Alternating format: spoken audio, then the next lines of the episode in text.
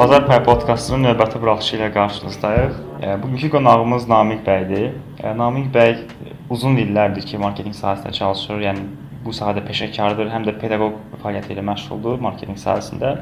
Bundan əlavə olaraq Yellow Ad agentliyinin həm təsisçisidir. Xoş gördük Namiq bəy, necəsiz? Xoş gördük. Şükür, yaxşı. Əvvəlcə dəvətimizi qəbul etdiyiniz üçün təşəkkür edirik. E, Ümid edirik maraqlı bir buraxılış alınar. Siz çox sağ olun dəvət üçün. Çalışarıq ki, maraqlı bir şey olsun. Bu gün biz Namiq bəylə e, marketinq agentlikləri ilə işləmək mövzusunda danışacağıq, reallıq və gözləntilərdən. Elə çox uzatmadan belə bir sualla başlamaq istəyirəm. E, Sahibkar və yaxud da ki, deyək ki, şirkətsə marketinq meneceri necə müəyyən etməlidir ki, şirkətə daxili e, marketinq komandası lazımdır, yoxsa işləri outsource hansısa bir başqa agentliyə və yaxud da ki, komandaya ötürməlidir? Birinci ilk növbədə ə, marketinq menecerindən öncə sahibkar müəyyən etməlidir ki, marketinqdən nə gözləyir. Yəni marketinqlə bağlı olan gözləntisini müəyyən etməlidir. Əgər marketinq adı altında görmək istədiyi iş yalnız satışdan ibarətsə, o tamamilə başqa istiqamətə ə, yönəlir belə deyim proses. Yox, əgər marketinqi tam mənasında dərk edirsə, bu zaman nədənsə danışmaq olar. Elə onunla mövzuya ə, keçməzdən bu suala cavab verməzdən öncə bir dənə məsələ deyim ki, bizim ümumiyyətlə Azərbaycanda biznesin ə, çox belə şikəst bir ə, marketinqə yanaşma forması var əksər bizneslərin. Əksər bizneslərdə marketinq tabe olur satış rəhbərlərinə. Ən yaxşı halda kommersiya direktorlarına. Amma dünya təcrübəsində qlobal şirkətlərdə belə deyil. Marketinq üzrə rəhbər o satışı da kommersiyanın hamısının içərisində cəmləşdirir. Yəni marketinq rəhbərinin tabeçiliyində olur araşdırma, tabeçiliyində olur reklam, tabeçiliyində olur innovasiya, e, ya da belə e, belə deyək, R&D e, türklər deyirlər, research and development bir çox sahələr olur. E, istehlakçıların davranışında bunlar öyrənir. E, amma marketinqi satışa tabe etdirdikdə ortaya nə mənzərə çıxır? Ortaya çıxan mənzərə olur ki, malı satmaq üçün alətlər düşünülməsi. Və burada da marketinqin e, əsasən də reklam istiqamətindən və satışa məzmunlanması istiqamətindən istifadə olunur. O da e, daha çox satışa yönümlü marketinq, brend marketinqdən daha çox trade marketinq istiqaməti e, önə çıxır. O ki qaldı ki, şirkətlər necə müəyyən etməlidir ki, daxili komanda lazımdır, agentliklə işləsinlər. Şirkət öz vizyonunu bəlli elədikdən sonra, ümumiyyətlə marketinqin onun nəyinə lazım olduğunu bəlli elədikdən sonra bunu müəyyən etmək çox rahatdır. Yəni e, baxmalıdır bazara. Bazarda marketinq sahəsində çalışan agentliklər ən müxtəlif klassifikasiyası var. Yəni 360 dərəcə xidmət göstərən marketinq agentlikləri var. Sırf kreativlə məşğul olan kreativ reklam agentlikləri var. E, sosial media agentlikləri var və e, dizayn studiyalar var və fərqli istiqamətlərdə e, marketinqi fəaliyyətləşdirən agentliklər var. Şirkətlərin ən başdan elədikləri səhv olan yanaşma, məni qınayacaqlar ki, səhv deyil, düz edirik, biz qənaət edirik. Şirkətin öz daxilində agentlik funksionallığı olan, yəni agentlikdə işləyən funksionallığı olan əməkdaşlar cəlb etməsidir. Məsələn, bir e, şirkətin daxilində e, dizayner, copywriter və art direktorun nə işi var? Bu adam agentlikdə olmalı. Əgər sənin art direktorun sənin məhsulunun yaradılmasına yox, reklamın yaradılmasına məşğuldursa, o sənə lazım deyil. Məsələn, özünə aid olmayan işlərlə məşğul olsan. E, sanki bu nəyə bənzəyir? Reklam agentliyi öz daxilində e, məsələn, deyək ki, e, sənaye mühəndisini, nə bilim mən, e, mebel ustasını və fərqli sahələrdə ayaqqabı dizaynerini daxilində saxlayırmış kimi bir işdir. Ona görə e, hər kəs öz işi ilə məşğul olsa yaxşıdır. E, heç bir halda mən şirkətlərin öz daxilində qrafik dizayner saxlamasının tərəfdarı deyiləm. Copywriter saxlamasının tərəfdarı deyiləm və bunu mən iş etikasının pozulması hesab edirəm. Başqalarının işinə necə deyirlər, müdaxilə etmək. Çünki bir şirkətin daxilində dizayner ola bilər, o produktunu dizayn edən ola bilər. Məsələn, sən interyer dizaynı sahəsində çalışırsansa, interyer dizaynerin olar. Mebel istehsalçısansa, mebel dizaynerin. Geyim istehsalçısansa, geyimlə bağlı olan dizayner ola bilər. Amma sənin fəaliyyətini təşviq edəcək, marketinqə aidiyyatı olan, sırf marketinq sahəsində xidmət göstərən qrafik dizaynerin burada bir iş ola bilməz. Copywriterin hələ heç iş ola bilməz, çünki sırf agentliyə aiddir. Art direktor məsələsi də belədir. Və o ki qaldı işin hansı hissəsini outsource etmək. E, Əgər şirkətin daxilində güclü marketinq komandası varsa, yəni bunun araşdırma qolu varsa, araşdırma menecerləri, marketinq sahəsində müxtəlif layihə menecerləri varsa, e, deyək ki, reklam menecerləri varsa, e, bu halda e, işin görülməsi üçün, yəni hansısa bir kampaniyanın və ya hansısa reklama, e, marketinqə aidiyyəti olan digər agentliyə aid, agentliyin gördüyü işlərə ehtiyacı e, idarə edəcək menecerlərin varsa, sırf agentliklə bu formada işləyə bilərsən. Amma şirkət ola bilər ki, şirkətin tək bir dənə marketinq meneceri var, başqa heç kim yoxdur. Bu halda artıq bu marketinqin fərqli istiqamətlərini bu sahədə ixtisaslaşan fərqli agentliklərdən dəstək olaraq alacaqdır və almalıdır. Bir məsələ də var. Mən reklam agentliyinin təmsilində danışıram, amma mən marketoloqam. Reklamdan kənar hissələrdə var marketinq, məsələn araşdırma. Bəzi şirkətlər öz daxilində araşdırma bölməsi yaradırlar. Araşdırırlar, bazarda ə, sahədə işləyirlər. Ə, Bazarı araşdırırlar, rəqiblər nə iş görür, özləri nə iş görürlər, satışı, bunların dinamikasını izləyirlər, gözəl. Və fikirləşdilər ki, bunlarda mükəmməl hər bir araşdırma, kənar araşdırma şirkətinin işinə ehtiyac yoxdur. Ehtiyac var. Sadəcə bu ehtiyacın nədən ibarət olduğunu görməlisən, dərk etməlisən, ona vəsait sərf etməlisən. Və bütün araşdırmanı şirkət öz daxilində yəni in-house olaraq edə bilməz. E, edə bilər, praktik olaraq mümkündür, o, o, o yaxşı nəticə almayacaq. Niyə yaxşı nəticə? Almaq aldığı nəticə çox mükəmməl görünə bilər. Amma eyni zamanda sən özün öz qəlbində durub oradan baxırsan və kənardan bir kənar göz olaraq baxmadığına görə o araşdırmanın da ə, obyektivlik tərəfi daha aşağı olur. Və ona görə istənilən halda hər bir marketinq xidmətini ə, şirkətlər ə, ehtiyaca görə zamanla outsource etməlidirlər. Və reklamla bağlı məsələlər isə 100% outsource etməlidirlər. Daxili agentlik qurmağın heç mənası yoxdur. In-house agentliklər həmişə uğursuzluğa məhkumdur. Bəli, deyə bilərsiniz, in-house agentlik var, 5 il 6 il fəaliyyət göstərir. Hələ Azərbaycan dövlətində çox da uğurlu ola bilmirlər. Neçəsi bağlanıb, fəaliyyət göstərənlər də çox uğurlu deyil. Bəli, indi parlaq görünən bir neçəsi var. Zamanla görəcək onların parlaqlığını. Bir adi nümunə deyim. hamımızın bildiyi Apple şirkəti, Steve Jobs'un məşhur Apple özünün reklam işlərini 1986-cı ildə səhv edirəmsə, qlobal ə, agentlik olan TVW-yə etibar edib. Və ondan ə, etibarən əksər layihələrini paralel işlədirdi. Yəni bir çox hallarda TVW komandasına və özünün daxili komandasına ə, eyni işi tapşırırdı və indiyə qədər yanılmıramsa bir dəfə də olsun e, daxili komandanın verdiyi ideyalar, verdiyi həllər TWL-in həllindən üstün olmayıb. Yəni bu da onu göstərir ki, daxili komanda nə qədər mükəmməl olsa belə, daxili komanda ancaq özünü görür və öz e, rakursundan baxa bilir. Kənarda olan şirkətlər, əgər doğru şirkət seçmisənsə, bu da çox önəmlidir. E, məsələyə kənar gözdən və hər tərəfli baxa bilir. E, agentlik seçimi məsələsində ən önəmli məsələlərdən biri kriteriyalar bənd eləməkdir. Sənə necə bir agentlik lazım olduğunu müəyyən edirsən və ə, buna uyğun seçimini edirsən. Və bu məsələ belədir. Ə, İstənilən halda ə, işlər hansısa formada və ya hansısa qismi outsource olunmalıdır. Tam olaraq şirkət daxilində marketinqi ə, 100% sikl halında qurmaq effektli bir şey deyil. Bəs tutaq ki, şirkət artıq qərara gəldi ki, hansısa bir işini agentliklə görsün. Və biz adətən görürük ki, agentliklə şirkət arasında hansısa bir məsələdə problem yaranırsa, bu adətən gəlib çıxır kommunikasiyanın düzgün qurulmamasına. Ya ə, şirkət tərəfi tam istədiklərini, gözləntilərini düzgün çatdıra bilmir və ya da ki, agentlik tərəfdə ə, ola bilsin ki, anlaşılmazlıqlar olur. Və sizcə agentlik və şirkət arasında kommunikasiya necə qurulmalıdır ki, ə, görülən işlər də hər iki tərəf üçün yaxşı olsun? Kommunikasiya hər şeydən öncə və e, el arasında deyilən adam kimi qurulmalıdır. yəni doğru kommunikasiya qurmaq lazımdır. E, hər şeyin də başında elə kommunikasiyanın doğru qurulmanın məsələsində başında brief durur. Bu brief ondan ötürü düşünülür ki, bu kommunikasiyanı düzgün e, şəkildə tarazlaşdıra bilsin. E, ilk növbədə baxmalıdırlar ki, mən agentlikdən şirkət baxmalı, mən agentlikdən nə gözləyirəm? Bunu dəqiqləşdirməlidir. Agentlik də müəyyən etməli ki, şirkət bizdən nə gözləyir. Və bunun əsasında bunlar bir-biri ilə fikir mübadiləsi, məlumat mübadiləsi aparmalıdırlar və bir-birlərinə qarşı şəffaf və dürüst olmalıdırlar.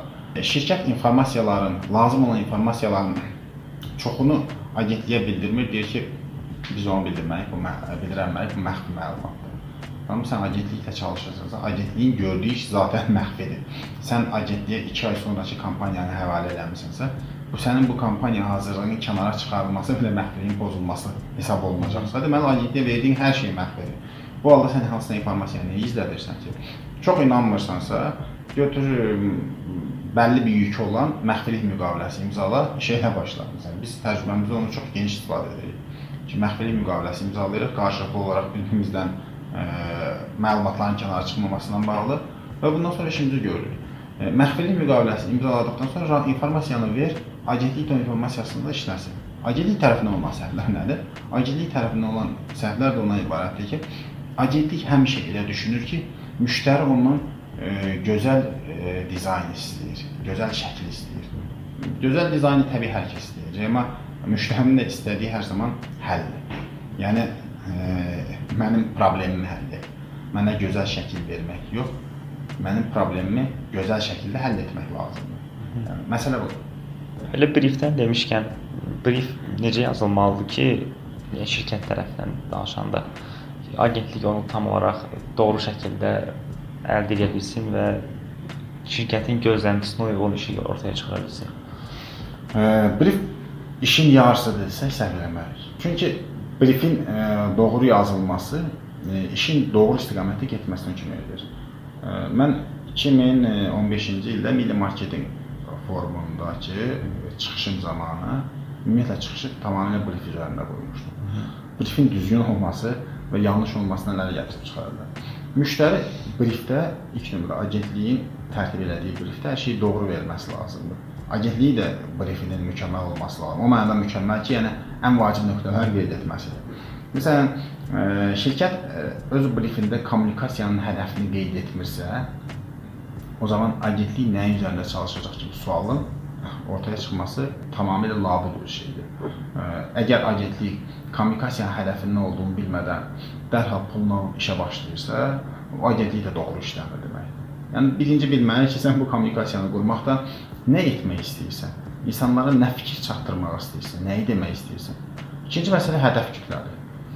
Ən çox rastlaşdığımız brieflərdə ə, hədəf kütlə ilə bağlıdır. Hədəf kütlə hamı. Hamı deyə bir hədəf kütlə olan şey deyil. Yəni çörəyi hamı yeyir və çörəyin belə fərqli hədəf kütləsi var. Kimisi təndir çörəyi yeyəcək, kimisi baton yeyəcək, kimisi doğranmış yeyəcək. Kimisi də deyək ki, ə, nədir o, kərpiç formasında olan çörək yeyəcək. Yəni adi gündəlik tələbat məhsulu olan çörəyin belə auditoriyası fərqlidirsə, ə, o zaman hədəf kütlə heç zaman hamı ola bilməz. Yəni, o hədəf kütləni doğru şəkildə təsəvvür etməlisən. Sənin bəlkə də hədəf kütlən bəlli bir zamanda hamı ola bilər bir period sonra. Amma öncəliklə bu kampaniya, bu aktivlik zamanı hədəf kütlənin kimlərdən ibarət olduğunu sən şirkət olaraq müəyyən etməlisən. Bunu müəyyən etmədən işə başlanırsa, o demək ki, sən o vəsaitin xeyli hissəsini ə, riskə atmış olursan. Ə, Bu ə, çox reklamla bağlı populyar və populist bir fikir var. John Wanamaker'in fikri var ki, reklama xərclənən pulların yarısı boşuna gedir, amma hansı yarısı bilmirəm. O fikri mən heç bəyənmirəm və qəbul etmirəm. Əgər doğru planlama ilə, doğru yanaşma ilə ə, pul sərf olunursa reklama xərclənmirsə, investisiya olunursa, çünki reklam xərci anlayışını belə qəbul etmirəm. Bir şey sənə pul gətirirsə, onu xərcləmək olmaz, o investisiyadır. Reklam investisiyalarını doğru şəkildə yönəltmisənsə, onun 1 qəpik belə boşuna gedə bilməz. Bəli, o ə, 1 manatın 50 manatı sənə dərhal gəlir kimi gəlir. O 50 manatı boşuna hesab elədiyin, əgər doğru sərf eləmisənsə, sənə bir period sonra geri dönür. Sənin imicinə xidmət edirsə, deməli boşuna sərf olunmuyor. Bizdə o populist fikirdən istifadə edilir. Onsuz da reklamın xərclənən pulun yarısı boşuna gedir. Və təbii sən reklama pul xərcləyirsənsə, investisiya etmirsənsə, xərcləyirsənsə, onun yarısı yox, 90% boşuna gedə bilər. Çünki bu düşüncə ilə reklam verilməz. Şirkət var reklam verir ki, məsələn də banka, filan bank bu krediti reklam elədi, qəşəng bir film çəkdi. Mən də qəşəng bir film çəkim. Oldu, bitdi. Qəşəng filmdən iş olmaz. Yəni e, ya da qəşəng bir dizaynla iş olmaz. İş qəşəng həldə olmalıdır. E, və briefdə e, önəmli məsələlər bunlardır.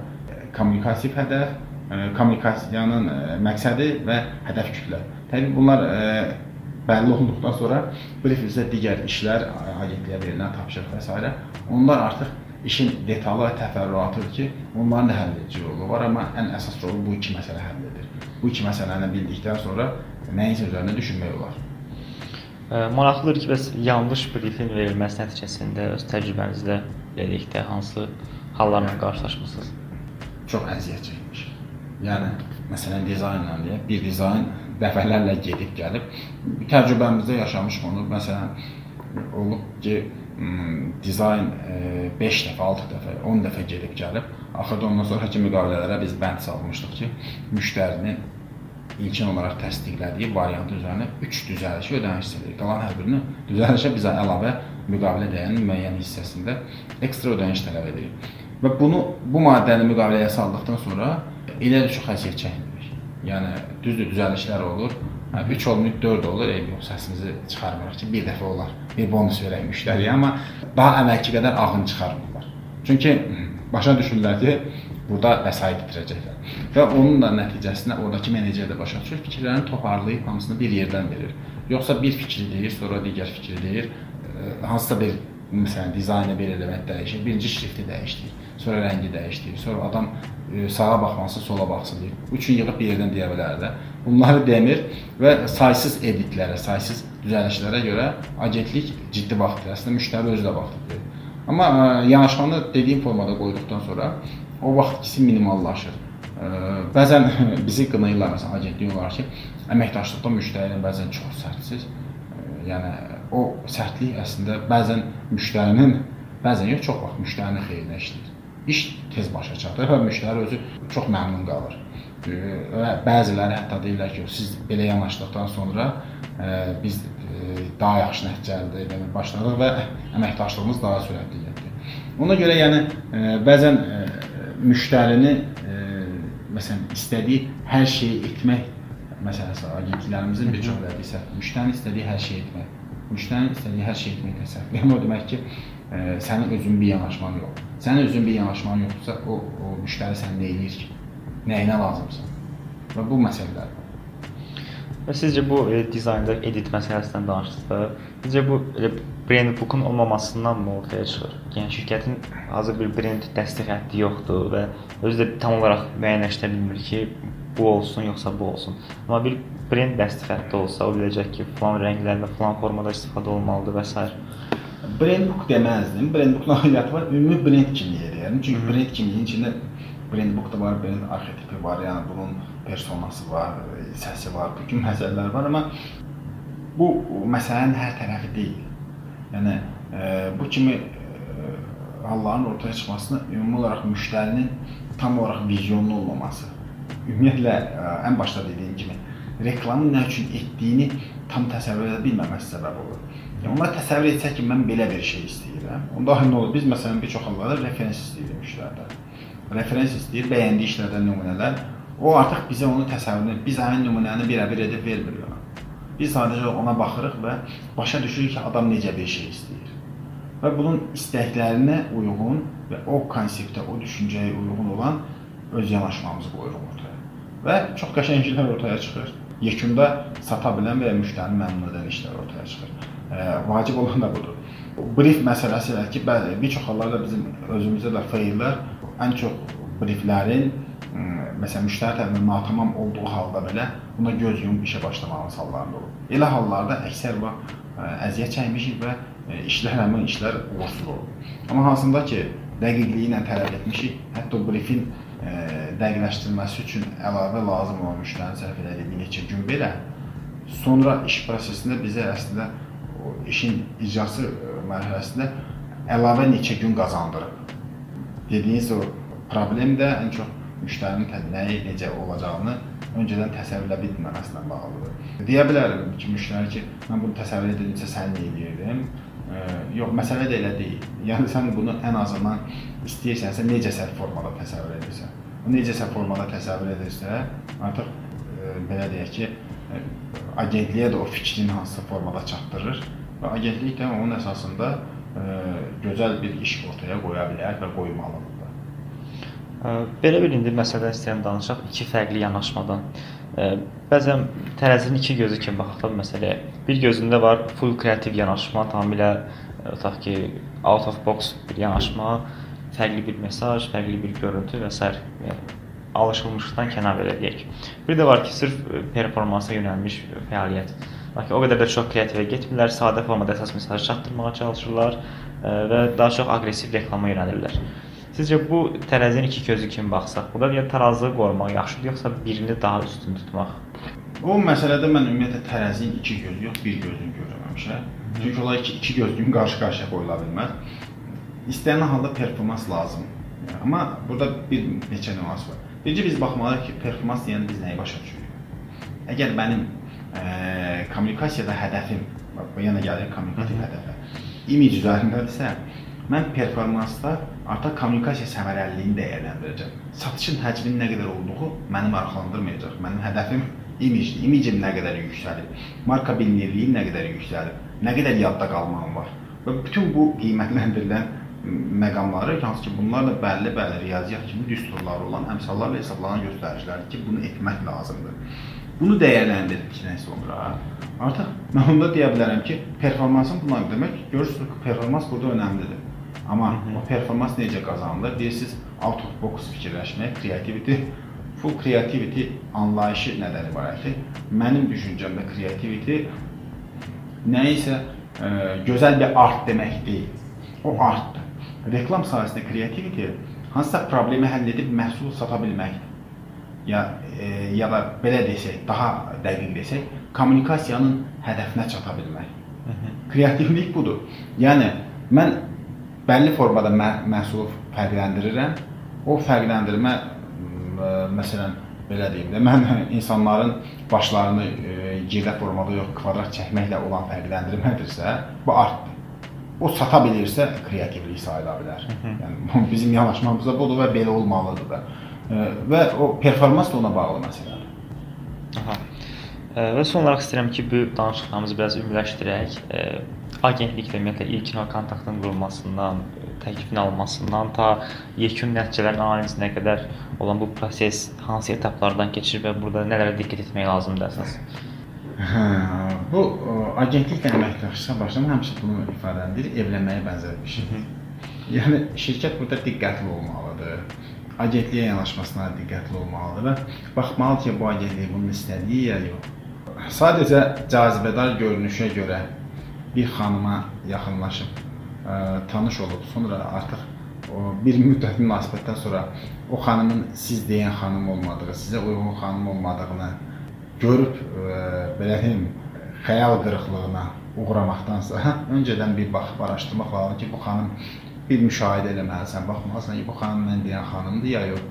Ə, agentliklə münasibət elə bir xanımla münasibət qurmağa bənzəyir. Düzdür, bəzi həmkarlar deyəcək ki, niyə agentliklərə xanım deyirsiniz? Nə olar ki, yanaşma belədir də.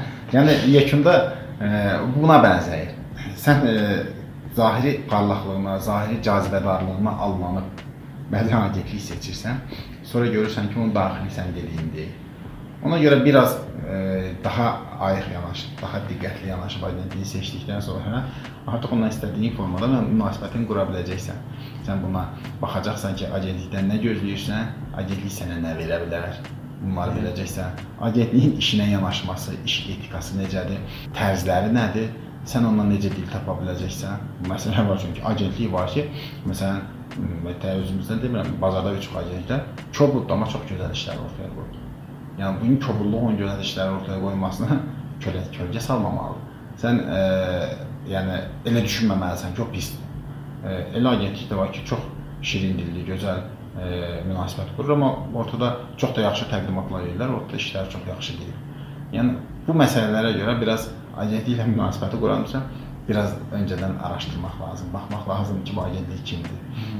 Bunlar bizə nə verə bilər? Ümumiyyətlə agentliyin portfolyosunda hansı xidmətləri var və bu xidmətləri nə cür icra edir? Bunları bilmək lazım. Biraz keçmiş təcrübəsinə baxmaq lazım agentliyin. Bununla baxıb dəyərləndirmək lazımdır ki, bu agentlik bizə nə verə bilər? Agentliyə mürəkkəb məsələdir münasibət qoymaq. Asan məsələ deyil. Dediyim kimi bir çox qlobal markalar agentlikləri ilə 10 il, 20 il, 30 il əməkdaşlıq edirlər. Və bu əməkdaşlığın nəticələri e, uğurlu olur çox vaxt. Ona görə uğurlu olur. Bizdə şirkətlər nə edir? Agentlikləri əlcək kimi dəyişirlər. Bir layihəni bir agentlik edir, sonra o birisini başqa bir agentliklə, sonra bir başqa agentliklə ilin nəticəsində görürsən ki, 6-7 dən fərqli agentliklə layihələr edir. Amma məsələn, şirkətlərimiz də var, bəli, ixtisaslaşdırıblar.